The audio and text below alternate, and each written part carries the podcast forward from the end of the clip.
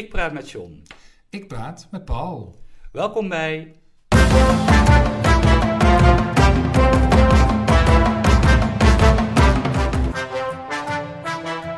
John en Paul hebben woorden. Hoe zou jij het vinden als je je taal kwijt zou raken? Je taal, dus dat je je niet meer uh, hoe heet, het, verstaanbaar of begrijpelijk kunt, uh, jezelf niet meer begrijpelijk kunt maken. Ja, of misschien als je niet meer mag communiceren in je eigen taal. Oh, oh ja. Als je dat niet meer mag. Een beetje zoals uh, de Russen in Oekraïne of zo. Nee, in, in, in Belarus is dat aan de hand. Oh, ja, oké. Ja, Lukashenko die geeft zijn land eigenlijk weg aan, uh, aan Rusland. Ja, als, je het, als je het heel uh, kort door de bocht uh, omschrijft. En Mhm. Dat betekent ook dat de Belarussen, Russen, hm, ik denk dat ik het zo zeg, dat, die, die, dat ze verrussen. Ook, Ja, ja. ook qua taal. Aha. Ja, dan raak je dus je taal kwijt. Ja, lijkt me heel naar. Lijkt mij ook. Ja. Maar ja, dat is natuurlijk ook een beetje eh, het geval als je bijvoorbeeld gaat emigreren hè, naar een land. Ja, maakt eigenlijk niet uit naar welk land vanuit Nederland. Want je kunt dan nooit meer echt Nederlands spreken. Nee, maar dat is wel een eigen keus. Ja, zo. Dat is niet gedwongen. En met de hedendaagse communicatiemiddelen kun je dan nog best Nederlands blijven spreken, lijkt mij. eh. Dat is ook Wel, Ja, ja. maar goed, dat, ik denk dat je dan eh, in, in Belarus ook zo'n cultuur krijgt van mensen die bij elkaar in een eh, achterkamertje gaan zitten. ja, onder ons of ja. zo. Ja, ja, ja. ja. Ja, het geeft toch te denken. nogal. Ja.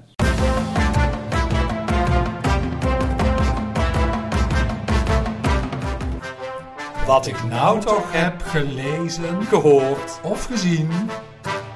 Ik heb een paar literatuurtips. Oh, Nou ja, ja nee, eh, tips uit de literatuur. Ik weet niet hoe ik het moet zeggen. Ehm, laat ik eens beginnen met eh, eh, een boek wat onlangs is verschenen. wat ik niet heb gelezen.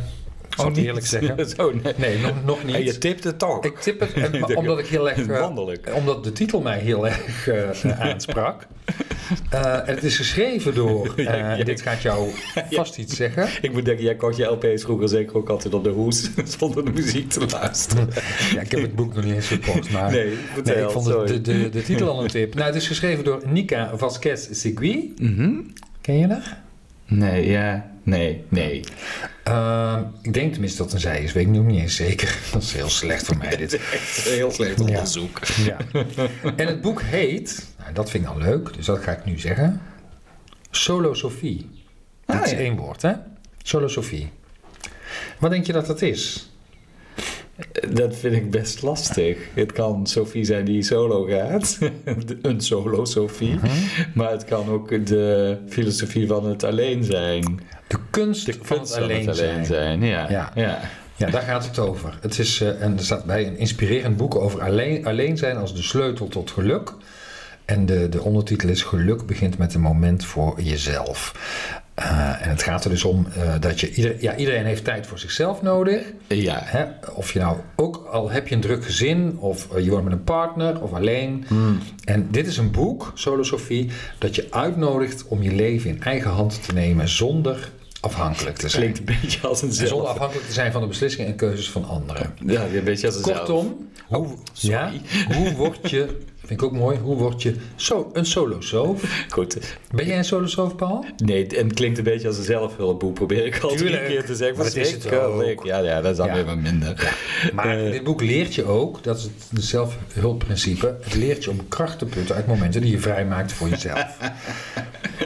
Maar de vraag is even, Paul, ben jij een solosoof? De, de, de, de krachtput uit jezelf, dat doe ik altijd. Uit momenten, die je vrijmaakt die voor jezelf. Die, uit het moment, doe, doe ik dat? Maak je voldoende momenten vrij voor jezelf? Ik kan dat wel. Ja, dat kun je wel, dat klopt. Ja. Ja, beter Ja. dan ik. Ja. Ja, ja heb je gelijk. Dan put ik Dus- daar kracht. dus ik- Put je de kracht uit? Nou, dat valt misschien wel tegen. Ehm, maar, dus je bent eigenlijk mm, een solosoof. Mm, Ja.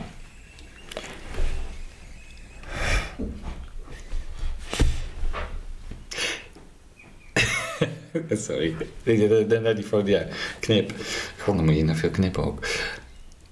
Heb je de nieuwe campagne van de, de provincie Brabant eh, meegekregen? Eh, nee, het is me volkomen ontgaan. Nou, de slogan, Campagne van wat? Toeristisch, hè, is dat over het Oh, algemeen. oh, van, Brabant wil natuurlijk altijd meer bezoekers trekken. Of Hoezee. Maar. Nee, nee, nee, nee, nee, nee. Brabanders zijn net Belgen. Is dat de campagneslogan? Ja, Brabanders zijn het Belgen. ja. Nou, ik weet niet of dat nou eh, aan gaat slaan. Het is het idee natuurlijk dat Vlamingen, met name, Mhm. dan wat vaker naar Brabant eh, komen. En eh, ik kan me zomaar indenken dat ze net door de provincie heen rijden richting Noord- of Zuid-Holland. Maar dat ze wat vaker dus inderdaad ook naar, eh, naar Brabant komen. Het is eh, een campagne van toerismebureau Visit Brabant. Visit Brabant. Lekker, lekker Brabants ook, lekker, lekker Nederlands. En ja, het idee erachter is dat, dat Brabant de meest Belgische provincie van ons land is. Ja? Ben je het daarmee eens of niet? Ik, ik weet niet, waar is dat op gebaseerd? Nou, het is eh, bedacht, de campagne, door een Belgisch eh, communicatiebureau. Och, ja. En die hebben wel onderzoek gedaan. Mhm. Nou ja, en ik kan me daar ook wel iets bij voorstellen. Hè, eh, Vlamingen vinden de provincie gemoedelijker dan eh, de rest van Nederland. Ja? Blijkt eh, daaruit. Is ook zo. Ja, nou, dus, Mhm, dus ja. je beantwoordt zelf de vraag. Ja. En de taal is ook, en dat is wat ze ook aangeven, de taal is zachter. En de meeste mensen, ja, ik weet niet of dat een pre is, maar zijn ook katholiek. Ja, dat is natuurlijk net als in, in, in Vlaanderen. En, Volgens mij valt dat ook wel mee. trouwens. zegt dan eh, Chris van den Broek van het eh, communicatiebureau, en jullie hebben hier fantastische fietspaden. Nou, ja, daar zit misschien ook wel wat in.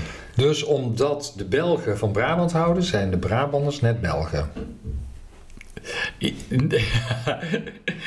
nee, nou draai je hem volgens mij om. Nou nee, dat is, Nou, je, ik vraag je, waar je op doet alsof, nou, je, Jij zegt je- de van Brabant. je, je geeft aan, nee, maar goed, dat blijkt dan uit onderzoek onder eh, 200 eh, mensen, maar die staan dan voor een grotere groep en ja, de campagne ja, geeft eigenlijk aan, of als ze denken met, dat ze met die campagne de Vlamingen kunnen lokken naar Brabant. Nou, misschien zit daar wel iets in. Overigens, eh, het- er wordt in de campagne over het algemeen wel over Noord-Brabant gesproken. Mhm.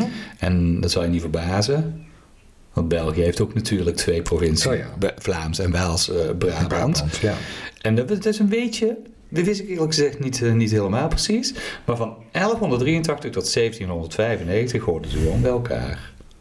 Alle drie. Hoe, wanneer? Van 1183 tot 1795 Zo. ze bij lang. elkaar het hertogdom Brabant met Brussel als hoofdstad. Oh. Dus langer bij elkaar dan uit elkaar tot nu toe. Ja. Nou, ja, nou ja, als je het zo eh, wilt zien wel. Ja. ja. Ja, dat klopt. Hey, ik had eh, ook nog een andere eh, literatuurverwijzing, als ik dat zo mag zeggen. Want Mm. eh, een boek wat ik wel aan het lezen ben. Ja, Ja, ik ook trouwens. Ik zie het voor mijn neus nu, hè? ik, heb het, ja, ik, ik Ja. hou het even omhoog voor de, Voor de kijker. voor de mensen die, Die eh, voor de aan het toestel zitten. Ja. Ehm, Tussentijds heet het boek. Het is Ja. van Peter Zantig. Eh, is ook medewerker van de NRC. Hè? Dat is een auteur, eh, die, eh, een Nederlands auteur. auteur. Ehm, en eh, ik vind het zelf een heel fijn eh, boek. Ja, het is, het is, ik, ik ga daar denk ik niet zoveel over zeggen, want ik lees het met de leesclub. Hè? We hebben vanuit, eh, vanuit de opleiding hebben we een leesclub. En dit is het vijfde boek wat we met de leesclub lezen. En Ja, het goed. laatste. Ja. Ja. En ik ben het ook aan het lezen. En het staat op de shortlist voor de Libris Literatuurprijs van dit jaar. En eh, eh, nou, waarom ik dit noem, is omdat... Ja, ik vind het altijd leuk als ik een woord tegenkom waarvan ik denk, wat betekent dit? En vervolgens wordt het ook uitgelegd. Mhm. Eh, en ik heb dan weer een woord geleerd. En het woord is... Ja, in het eerste instantie wordt het in het Engels genoemd... plan continuation bias. Ja, maar dat is Engels. Oh? En dan zegt de schrijver... dat is wat piloten arriveritis noemen. Arriveritis. Ja? Toen dacht ik, arriveritis, huh? dat vind ik... Je schrijft dus gewoon arriveer met dubbel E, volgens hem in ieder geval. Koppelteken I-T-I-S, itis. Ehm, en weet je wat het is? Nee, ik heb Ook het overigens wel gelezen. Plan dat is ook continuation bias. Ja, bias weet ik natuurlijk Dat is, dat is een term van uit de gedragspsychologie. Dat is met alles en met bias. Komt uit de gedragspsychologie. Ja. Ja. Het betekent dat je zo bezig bent met het bereiken van je vooraf bepaalde einddoel. Ja. Dat je niet inziet of niet meer inziet dat er van afwijken gaandeweg een logischere, verstandigere of veiligere optie is geworden. Oh. Dus, je, dus je kunt misschien toch maar beter een andere afslag nemen in plaats van je vasthouden aan het, eh, aan het einddoel. Nou, dat heet plan continuation bias. Ja. Dus inderdaad vasthouden aan je, aan je, En je einddoel aan je dan einddoel. beter. Ja. Arriveritis, zegt eh, Peter Zanting, eh, heet- zo heet dat bij piloten. Dus het gaat over het letterlijke bereiken van een einddoel via een bepaalde Mhm. route.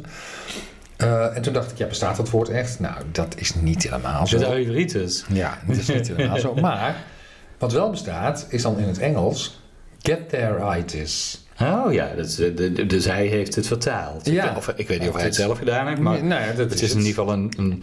Hoewel arrivé natuurlijk ook gewoon natuurlijk helemaal niet Nederlands is. Arriveer. Arriveren, ja. Ja. is- maar dit is ook Ja, get afkom- there is- Ja, dat is waar. Maar arriveren is natuurlijk ook afkomstig uit een andere taal. Dus niet... eh, Ja, maar arriveritis, snap Ja, ik het wel. snap het, ja. Hè? Eh, maar in het Engels noemen piloten dus echt get there-itis. ja, get right. Het is aankomstritis. Ja. Ja, zou dan mooier Nederlands zijn. Get there is, is gewoon eh, eh, een, een, de, de vervoeging van eh, aankomen. Dus arriveren is ook een vervoeging van Ja, aankomen. ja. Dus ja, ik snap het wel. Ik ook, ja, nee, Ehm, zeker. Ja. En ik heb ook iets geleerd over nou ja, die plan continuation bias. Want ik weet wel iets van gedragspsychologie, maar deze term kende ik nog niet. Nee.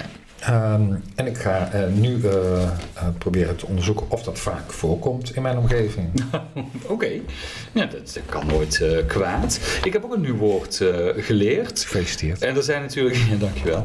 En er zijn natuurlijk heel veel mensen die dat woord al lang kennen. Maar het was, het was mij ontgaan. Het is een, een beetje een hype sch- schijnbaar in, in, in, de, in de of in de jongere taal. Meer die graag woorden mogen adopteren. Ik ben benieuwd. je kijkt erbij alsof je hem ook tegen bent Nou, weet ik gekomen. niet, zeg maar. Kaulo, Nee. die was je niet tegengekomen. nee. Hoe heet het? Kaulo. Kaolo? Ja, Kaolo. Kaolo. Kaolo. Ja. Nee. Nee, het is dus... een- Koala. Ja, daar zou het bijna op, eh, op lijken. Hè? Maar ze gebruiken het vaak, jongeren dan, in de betekenis van eh, heel erg. Dus ik ben Kaolo moe. Of ik ben eh Kaolo, eh, ja, Kaolo opgewonden. Oh. Of het is Kaolo lekker. Mhm, En wat betekent Kaolo dan? Nou ja, dat is dan het grappige. Want daar kwam Roué Verveer om de hoek kijken op TikTok. Ja? En Roué Verveer die dacht, ik moet dit toch even uitleggen aan de mensen die het op die manier eh, gebruiken. En dus, ja, dus je zag op TikTok in één keer in je account zag je Roe. Verveer... Dus je zit op TikTok, Paul. eh, Ik heb toevallig een TikTok-account, maar de TikTok-filmpjes die verschijnen volgens mij tegenwoordig vaker op Insta dan op eh, TikTok zelf. Of je deelt het daar gewoon, het maakt niet uit. Ik kwam het tegen. Kaolo betekent, legt hij feitjes uit Roué Verveer. eh, en Verveer, en hij is, hij is afkomstig uit Suriname. En het komt uit Surinaams. En dat betekent het poepgat. En ook niet in een hè, K is poep en eh, Olo is gat. En je gebruikt het niet op een eh, positieve manier. Hè, zoals jongeren het dus nu gebruiken. Mhm. Die gebruiken het als, het als je het eh, vanuit het Surinaams had, gebruik je het op een compleet foute manier. Oh, En nou ja, eh, ja het, het, voelt bijna als schelden met een ziekte, zegt uh, Oh. Verveer. hou die gedachte vast, Paul. En het mooie is dat er eh, zich ook een taalwetenschapper vervolgens over gebogen heeft. En dat is eh, Khalid Mori. En die geeft Verveer ook helemaal gelijk. Hè? Het is een heel vies woord in het eh, Surinaams. Schetsidee. ja, nou ja, goed. Hij is gespecialiseerd in straattaal. Dat is best een boeiende. Onthoud die naam, Khalid Mori. En ja, hij, hij onderzoekt straattaal en hij werkt ook voor het Meertens Instituut. Ken jij wel, hè? Mhm. Meertens Instituut is dat ook van de namen, geloof ik, hè? Ja. Ja, dat dacht ik, eh, dat dacht ik ook. Maar je kunt het eigenlijk vergelijken met het woord... ehm, wat we ook hebben zien gebeuren een paar jaar geleden. Oh, dat is kapot lekker. Oh, Oh, ja. dat is kapot. eh, Mhm. Nou ja, Snap het. noem maar op. Daar, daar vergelijkt hij het dan eh, een beetje mee. Maar ook hij zegt wel van je moet er wel rekening mee houden dat als je het in de buurt van Surinamers gebruikt, dan moet je oppassen, want anders beledig je ze. Is het een heel andere, heeft een heel andere connotatie. Kaolo. Oké, nou schelden met een ziekte. Ik zei al, hou die gedachte vast. Ik kom er zo op terug. Eh, ik heb ook nog een ander woord, of een nieuw woord weer om, ja, nou, het is misschien niet per se een heel nieuw woord, maar Hmm. wel eh, in dit gebruik. Ehm, en het heeft te maken, en dat was in het nieuws, met het overlijden van Huub Oosterhuis. Ja, Ja. Wie was dat ook alweer? de, de vader van Treintje en Tjeerd. Dus dat is het eerste wat in je opkomt. Dat, nee, dat, is, dat, is, dat komt ook in me op. Hè. En de- Mhm. de- wat dat betreft is het een creatieve, creatieve familie. Maar goed, ehm, ja, het is, ik vind het moeilijk om het te duiden. Er zijn mensen die vinden dat hij de katholieke kerk... Die was al een keer voorbij gekomen. Maar dat hij die in Nederland eh, best eh, veranderd heeft met zijn teksten. Ja. Want de- teksten die voorheen gebezigd werden in eh, de kerk, die waren nogal archaïs, kunnen we op zijn minst zeggen. Of Latijn. Ja. En hij heeft natuurlijk heel veel teksten, eh, teksten geschreven, liedteksten. Ja. Ja, en allemaal eh, toegankelijk. Ja, Hè, of erg toegankelijk. En eh, toch ook wel met een zekere spiritualiteit. Eh, veel zangbundels, ruim 700 liedteksten, gebeden en eh, psalmbewerkingen schreef Oosterhuis. En, en componisten waren ook gek op zijn teksten. ja. Maar aan de andere kant, hè, stel dat er in zijn tijd, de tijd dat hij echt actief was, hè, stel dat er al social media wa- waren geweest, dan had hij die goede gemeente ook wel echt over zich heen gehad. En daar kun je ook Wanneer? van, eh, nou ja, wanneer eh, schreef hij zijn teksten? De jaren 60, 70, 80. Ja, ja. Of toen een best een lange Mhm. periode. Goed, toen hadden we natuurlijk, toen was er al heel veel kritiek hè, vanuit, eh, vanuit de katholieke. Nou, ik denk dat het op zich valt dat nog best wel mee. Hij is overigens vertaald ook in het, heel veel talen. ja, Engels, Frans, Duits, ja. Italiaans, Spaans, Ja. Indonesisch, Fins, Pools, Japans. Misschien nog wel meer. Ja. Eh, zijn eerste leermeester dat was eh, een pater. Mhm. Pater Jan van Kilsdonk. Want eigenlijk was, zat hij volgens mij op het seminarie of zo. ja. Ja, en die noemde Oosterhuis de grootste vernieuwer van de laatste 1500 jaar. Van Ja. 1500 jaar, hè? Van Ja, ja, dat is behoorlijk. Maar dat wil niet zeggen dat iedereen daar dan in mee is gegaan. Ja, Er is natuurlijk een conservatief eh, katholiek gedeelte wat daar wat meer moeite Nou, mee had. Daar wil ik nu even naartoe. Ja. Want de, de, de liederen van Oosterhuis die worden echt grif gezongen in katholieke en protestantse kerkdiensten. In Nederland dus en verder buiten. Mhm. Behalve in het, in het bisdom Limburg. Oh ja, nou ja, over conservatief gesproken, katholiek. Ja. Ja. En eh, nou, dit, dit stond ook bij zijn overlijden in, eh, in de krant, in de Volkskrant. En ook dat eh, het, bis, het bisdom Limburg, eh, daar had, schrijft de Volkskrant, de zangpolitie hem uit de zangbundel geschrapt. Ja. Dus zangpolitie vond ik in dit verband een mooi woord. een mooi woord. Ja. Eh, ik moest ook een beetje denken aan eh, het optreden van eh, Dion Cooper en Mia Nicolai tijdens de live eh, eh, presentaties in Madrid en in Amsterdam Ja, die van de hebben, die, afgelopen hebben, week. die hebben wel de pech dat er heel veel social media zijn. Ja, en dat er veel zangpolitie kennelijk ook in zo'n zaal Ja, aanwezig iedereen is. weet heel goed hoe het Iedereen is van de zangpolitie wat dat Nou, betreft. dat zeg je nou wel, maar in de zaal zelf werd het helemaal niet slecht ontvangen. In ieder geval in, eh, eh, in eh, de avond live. Nee, ja, tenminste dat is wat we, we waren er zelf niet bij. Nee, maar Dus dat, hebben we gehoord van de mensen die er wel bij waren. Ja, van, van een, een iemand die erbij was. ja. Ik heb ook van een iemand die erbij was inmiddels gehoord dat het inderdaad niet zo best was. Ehm, maar goed, dus dat, eh, zangpolitie, het is van toepassing, van, het, is, het is van alle tijden blijkt wel. Eh, en zelfs uh, Huub Oosterhuis had er al eh, in het begin van zijn carrière mee te maken. Want hij werd dus in eh, het bisdom Limburg, niet de Limburg zelf, maar het bisdom In Limburg. bisdom, ja, Ja, zeker. werd hij eh geboycott. Ja, maar daar zaten we toch ook wel bisschoppen waar de honden geen brood van lusten. Maar oké, iets heel anders. En, ja, we kunnen er... eh, Ik weet niet of ik... Je, je doet het wel kort, maar ik weet niet of het kort best is. Ja, wel, dat kunnen we wel. De taalgids van Lax. Taal, oh, de taalgids. Ja, Oh, oh ja. meegekregen. Eh, ja. Het Landelijk Actiecomité eh, Scholieren. Ja. Een nieuwe taalgids voor het Ja. onderwijs. Ja, jongens en meisjes mag niet meer. Ja, moeten we daar iets mee? Met die taalgids. Ja, Wel een kwestie van taal dit. een kwestie van taal. Ja, Jij wilt hem later terug laten komen? weet ik niet. Dat kan altijd, hè? Ja, misschien. Dan kan ik me er ook een beetje op voorbereiden over... eh, Nou, of dan kan ik me daar een mening over vormen. Dat is goed. Ik neem hem mee naar volgende week. Ja, ik noteer het.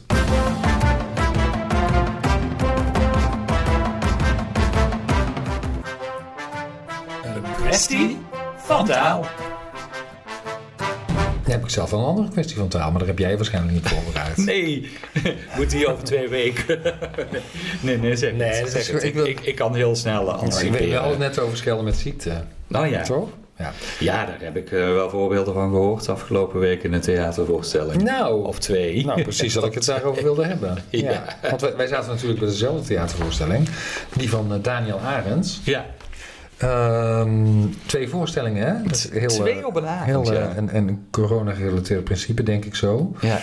Ja, twee voorstellingen op een avond. Hebben ze allebei eh, bezocht. Dus het was best wel nou, intensief. Heel veel prikkels. Heel veel prikkels. Twee best wel verschillende voorstellingen overigens. Ja, absoluut. Wat mij opviel, en misschien is je ook opgevallen, is een, ik, ik wou zeggen overeenkomst, maar eigenlijk vooral een verschil tussen Daniel Arends en Thierry Baudet. Ik, ik, ik, ik moest er meteen aan denken. Oh, ja, namelijk? Ja, dat gaat over het woord, ehm, ja, wat ik liever niet uitspreek als scheldwoord overigens, hè, kanker Nee. Ja. of kenker. ja, precies. Ja, Ja. en dat had ook inderdaad van doen met eh, Thierry Baudet, althans zijn... Ik was ook in het nieuws daarover, hè? Ja, zijn, Weet je nog hoe dat zat? Ja, zijn een medewerker... Het, het ging over medewerker. Medewerkster? Medewerkster, waaraan hij vroeg van wat... Wat is erger, kanker of kenker zeggen? Ja, en toen Ja. zei... Moeten we misschien even uitleggen, wat is het verschil? Ja, Wat, wat, dat mag je uitleggen. Ja, ik, ik, ik denk dan van... Het ene is eh, echt Hollands, kenker. Ik bedoel, het is een beetje, klinkt een beetje als... Holland? Ja, klinkt bijvoorbeeld voor, voor als je mensen die in Amsterdam wonen. Oh, oké. Of in Rotterdam. Of in, eh, nee, maar ik weet het niet. Nee, het is, Ik eh, kenker is straattaal. Oh ja. Eh, en het is het positief gebruik van kanker zonder te schelden. Dus in principe is het geen bestaand woord en Oh. geen scheldwoord. Dus men gebruikt het als je het woord kanker wilt vermijden. Altijd positief. ja. hè, dus geen officieel woord. Wat jij net zei met die eh, koala, nee. Ja? Paolo? Ja, dat, Ja. eh, dat is in, in het Suriname. Suriname toch is het misschien niet positief, maar verder is het positief bedoeld. Dit is eh, vergelijkbaar, denk ik. Ja, zo komt het op mij niet over. Dat is ook toen ik... als je, jawel, want ik vond Daniel Aarts deed, zei heel consequent op een enkele keer na. Ja, Kenker, ja precies. hè? Hij, hij- ja, ja, ik weet niet of hij zich Eh, dan En hij bedoelde nooit echt kanker, maar wel het, een, een bijvoeglijk naamwoord om iets, iets positiefs te duiden. Ja, nou, je, van, nou, nou Ja. zet je Daniel Arendsdeer als heel erg correct, wat dat betreft. nou, nee, in dit, in dit geval... Dan was dit het Nee. enige onderwerp waar hij correct op was misschien. Ja, nee, oké, maar in dit, ja, nou, nou, misschien is dat wel zo. Maar in dit geval klopt het dus met de betekenis, of het betekenisverschil van kanker Mm. en kanker. Mhm. Eh, ik denk ik dat er over nagedacht is. Even over Thierry Baudet. Eh, eh, dus er was een hoop gedoe over wat er allemaal gebeurde bij de FVD. Onveilige sfeer hè, op, Ja, eh, ja, op ja, de werkvloer. Precies. En er was een medewerkster die dus zei dat Thierry op enig moment aan haar vroeg: wat is erger, kanker of kenker zeggen? Ja. Dit was overigens al twee, ruim twee jaar geleden dat hij dat vroeg. Dus toen speelde mm, Ja. de, die, dat betekenisverschil al. Dus wat is erger, kanker of kenker zeggen? Ehm, en hij verwees daar dus naar, naar het straattaalwoord. En toen zei de medewerker, eh, kanker is erger, want mijn vader is aan kanker overleden op mijn, op zijn ze- op mijn zeventiende. Hij had een, eh, een tumor in zijn hersenen. En toen zei Baudet, dan zeg ik kanker. ja. Nou, Ja. dat is natuurlijk ontzettend naar als je dat zegt. Ja. En dat is erger om te zeggen, nou dan ga ik dat lekker zeggen. Mhm. Dus, ehm, nou, eh Daniel Arends die koos dus kennelijk voor om, eh, eh, nou ja, om, om Ik- dat ik- niet te doen. Ja. En nu vraag ik me dus af of je dan even kanker, hè, Mm. in, in combinatie met, mm, weet ik veel, eh, eh, eh, een, een, een ander bijvoorbeeld naamwoord, noem eens wat, zoals jij net deed met je, met je kaula. Oh, ja. eh, oh, Ja, nou ja, wat ben je voor een kanker? ja, precies. Oh, ja, doe het netjes. Ja. Hè, dat. Dus dan eh, vraag ik me af, zou je, krijg- krijgen we op een gegeven moment te maken met een K-woord, zoals we ook met een N-woord eh, te maken hebben, dat je dat misschien eigenlijk helemaal niet meer kunt of mag zeggen? Nou, dat, dat- Je, de- je bedoelt dat het, eh, dat, het, dat, het, dat het niet woke is. Nee, dat het, eh, dat het woord als zodanig gecanceld wordt in die context. Mhm. Ik weet het niet. Ik denk niet dat dat gaat gebeuren. Hè, ik bedoel, we schelden altijd met ziektes. Hè, er zijn er wel meer, eh, tyfus, tering, nou, Mhm. noem maar op. Maar ja, ik denk, ik, ik denk niet dat dat gaat gebeuren. Dat wil niet zeggen dat is wel ik het- beladen. Ik, ik, ja, ik vind, ik vind het niet mooi. En, en of, nou, of je het nou met een A zegt of met een E zegt, ik vind het een. Ja, nee, ik zou het niet Dat is gebruiken. een mooi woord. Nee, maar het is dus wel beladen als er nu in de straattaal in eerste instantie al een woord opduikt duikt om dat te vervangen. Ja, omdat het kennelijk Ja, maar dan oké, is ja. om... eh, eh, Ja, bij mij komt het, want dan is het een soort eufemistische vorm hè, die, eh, Ja. die je ervoor gebruikt. En bij mij komt dat niet over, want ik heb het op dezelfde manier ontvangen. ja? ook, ja. Oh, ik, dat, Ja. Nee, bij mij was dat niet het geval. Ja, nee, als je dan knikker zegt, dan vind ik het iets anders. Maar, zo. Knikken? Ja, weet ik het. Je kunt het ook op een andere manier. eh, Mhm. Nee, dat komt bij, nee, bij mij komt het net zo eh, niet fijn over, laat Nee. ik het zo zeggen. Nee. Oké. Dus eh jij bent geen voorstander en vind je dan wel dat je, ja, wat mag je dat, die combinatie met kanker hè, in het scheldwoord dan wel blijven gebruiken? Wat bedoel je nu? Nou, dat je eh, eh, een, een, een, een- met kanker mag schelden. Nee, ja, nou ja, ik, ik zeg niet snel dat iets niet mag, alleen het zal mijn keus niet zijn. Nee, maar je kwetst daar dus mensen mee, hè? Tenminste, dat is mogelijk. Ja. Mensen die dat mee te maken hebben gehad. En als je dan nou, kanker gaat gebruiken in een scheldwoord, of misschien op een andere manier, juist omdat iets Ja. je helemaal goed is, hè? want zo wordt het ook eh, toegepast. Ehm, dan zou je misschien kunnen zeggen, nou, dat woord moeten we nooit meer in een andere context gebruiken. Ja, dat weet ik ook niet. Dat vind ik misschien toch iets te correct, moet ik heel eerlijk Ja? zeggen. Ja, toch. eh, ik weet niet, wat vind jij? Nee, ja, ik, nou, ik vind eigenlijk niet zoveel, want ik heb altijd pas heel laat een mening eh, eh, ergens over, dat weet je wel. Eh, ik laat me altijd leiden door wat jij vindt. Nou ja, het is goed, ja.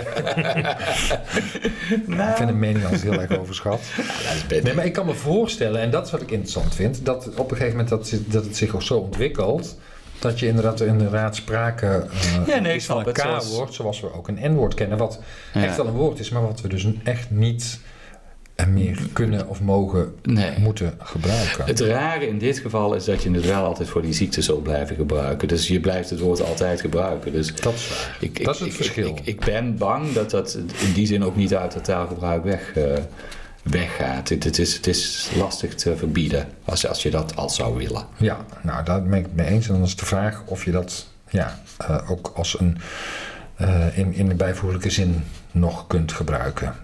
Dan moeten we dus even blijven volgen.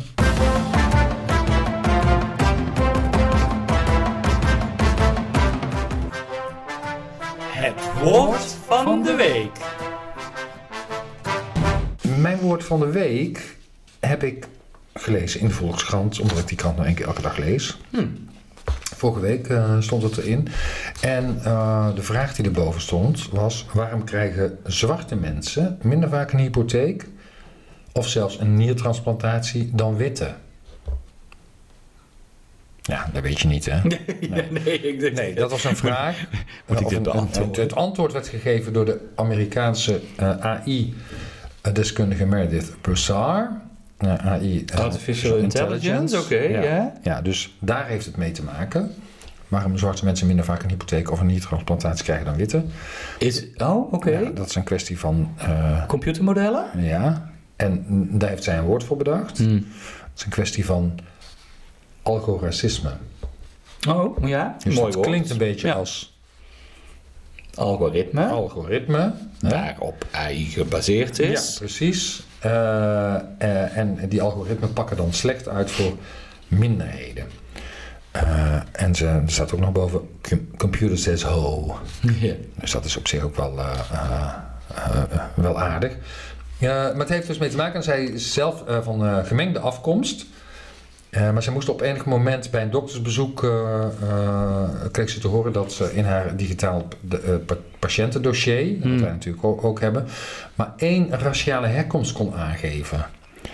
Dat is natuurlijk Nou. een beetje gek. Ja. Dat is een heel slecht systeem. Dat Want is... heeft, als je van gemengde afkomst bent, ja. Maar goed, het heeft dan wel consequenties als je een, een keuze maakt. Dus al die data... dat dat dan precies, al, die, al die data die worden die- verwerkt. ja, die, die, die, die computers die worden gevoed met die data. En die gaan dan... ja. In de AI. Oh ja. Ja, en, en door allerlei racistische veronderstellingen Ja. over de gezondheid van eh, eh, Afro-Amerikanen. Mm. ehm, eh, kwam, had zij ook eh, eh, eh, gemerkt dat die later in, aanmerk kwamen, in aanmerking kwamen voor niertransplantatie Ja. dan, dan witte Amerikanen met nierproblemen. Dus ja, als je dan als zodanig in, in Mhm. een systeem zit, of je het nou hè, terecht of niet, dan is dat natuurlijk best, best gek. En iets dergelijks gebeurt dan kennelijk ook met eh, eh, het verstrekken van hypotheken. Ja, want dat heeft dan weer te maken met eh nou, inkomensgegevens van, Ja. van Afro-Amerikanen. Eh, en dat leidt dan weer tot eh, financiële discriminatie. Dus eh, algoracisme eh, als, als woord. En, eh, ja, ik, ik hou natuurlijk van de, van de combinatie, de, of com- de contaminatie waar hier sprake van is. Mm. Ehm, maar sowieso een, ja, op zich een mooi woord voor een slecht principe. Ja. Ja, ik, iets geeft mij het idee dat vrouwen er ook bekaaid afkomen in, in de AI.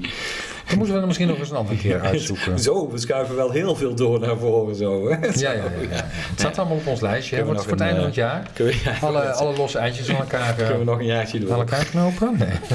Ik eh, vond mijn woord van de week in, in, in verschillende media, onder andere bij RTL, maar ik dacht eh, ook in de Volkskrant en in het Brabants Dagblad, het kwam overal wel eh, even terug. Omdat, ja, er wordt natuurlijk, we hadden het toen straks al over, eh, over social media en over het gebruik van, eh, van smartphones.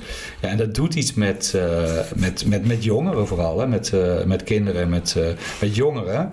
En volgens, kinder, volgens de Vlaamse neuropsychiater Theo Companolle, Goeie naam. heet hij, ja zeker, kunnen kinderen die hun telefoon te veel gebruiken, een, en dat is mijn woord van de week, een brokkelbrein krijgen.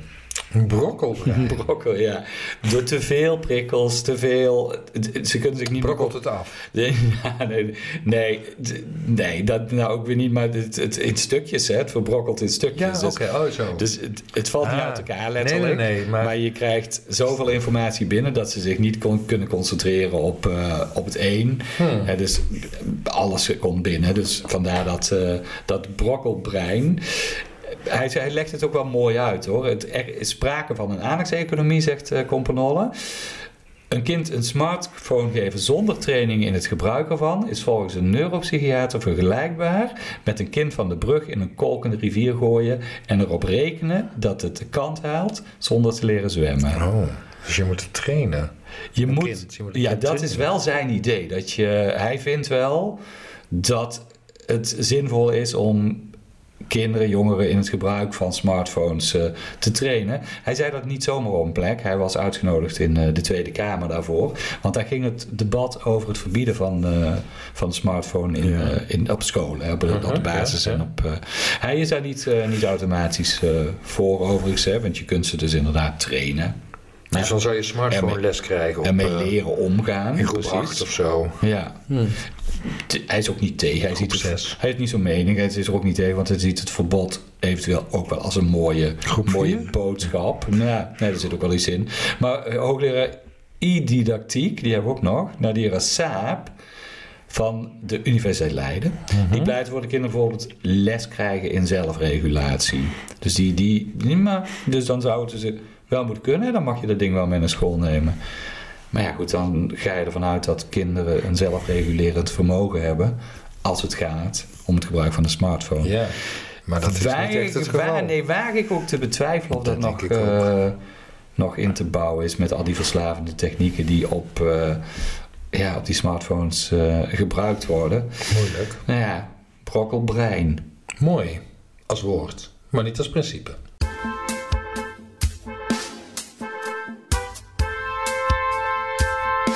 Kent u die uitdrukking? Vorige keer heb ik uitgelegd wat uh, het betekent als je ergens de draak mee steekt. Ja. Ja. Dat is waar. Weet je het nog? Ja. Nee. nee. nee. nee. Nou ben ik, nee, ik ben, ben, ben even, sorry, ik ben even een padje. De, de spot, is de uh, ergens mee, ja. Ja. En iemand voor het lapje houden, dat betekent ook zoiets. Dat is iemand voor de voor gek, houden. Ja. Nou, uh, aanvankelijk was het idee dat, wat, dat de betekenis van lap Oh, Ja, een lap. Hè, iemand voor het lapje houden. Hier iets eh, betekent als een sukkel. Of eh Ja. onnozelaar. Mhm. Onnozele hals. Dus. Eh, in, het groot eh, uitdrukkingswoordenboek, Mhm. dat ook bestaat, en worden daar vraagtekens bij gezet, omdat lapje in deze betekenis niet in het Nederlands voorkomt, maar wel in Duitse dialecten. En een lap kan wel op een manspersoon slaan, hè, dus een dronken lap bijvoorbeeld. Maar een lapje dan wel niet. nee. Dus eigenlijk niet. Eh, en het groot uitdrukkingenwoordenboek denkt, zegt dat iemand voor het la- lapje houden eigenlijk is ontstaan uit als een stier een koe wilde dekken. Terwijl dat niet mocht of kon, kreeg hij een lapje voorgebonden. Dus met dat lapje werd de stier voor de gek gehouden. Oh, maar dat is bij het stierenvecht ook het geval. Is dat hetzelfde lapje? Eh, ja, nou, dat is niet een lapje voorgebonden. Hè? Dat is een, een rode Nee, lap oh, die op een stier werkt. Dit is weer een heel andere Dus- uitdrukking, eh, Paul. Ja, ja, ja, maar je houdt hem wel voor het lapje, want je, je lokt hem ergens naartoe met die lap. Mm, ja, dat is ook zo. Ja, ja, ja. Ja, dat is inderdaad ook een... eh, eh, ja, maar dat... En dat werkt dus inderdaad, wat jij zegt, als een rode lap op een stier. Ja, het Nou, ik vind het eh hoogst verwarrend intussen. Drie uitdrukkingen in één keer. Ja, Zo. dat is goed. Ja, maar het lapje is dus eh, waarschijnlijk dat Ja. doekje. Ja, het heeft dus met een stier te maken voor het en niet per se met een draak. Ja. Zoals vorige keer, maar het betekent Nee. ongeveer hetzelfde. Ja.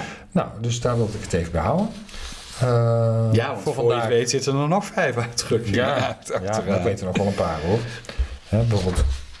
Nee, ga ik niet zeggen. Nee, doe, nee, doe maar niet, want dan wordt het wel erg, eh, Nee, laten we het afronden, Paul. verwarrend. Ja, we hebben in ieder geval een stapel onderwerpen die, eh, die we meenemen, meenemen naar een van de volgende keren. Ja, ja, we hebben een, een kwestie van taal over over het taal... Wat was het? Woordenboek van... eh, Van Laks, ja. Ja, ja, daar gaan we zeker We volgende keer kunnen nog eens op, eh, kijken wat er nog meer eh, voor lapje en, voor lapje. en, en zo staat.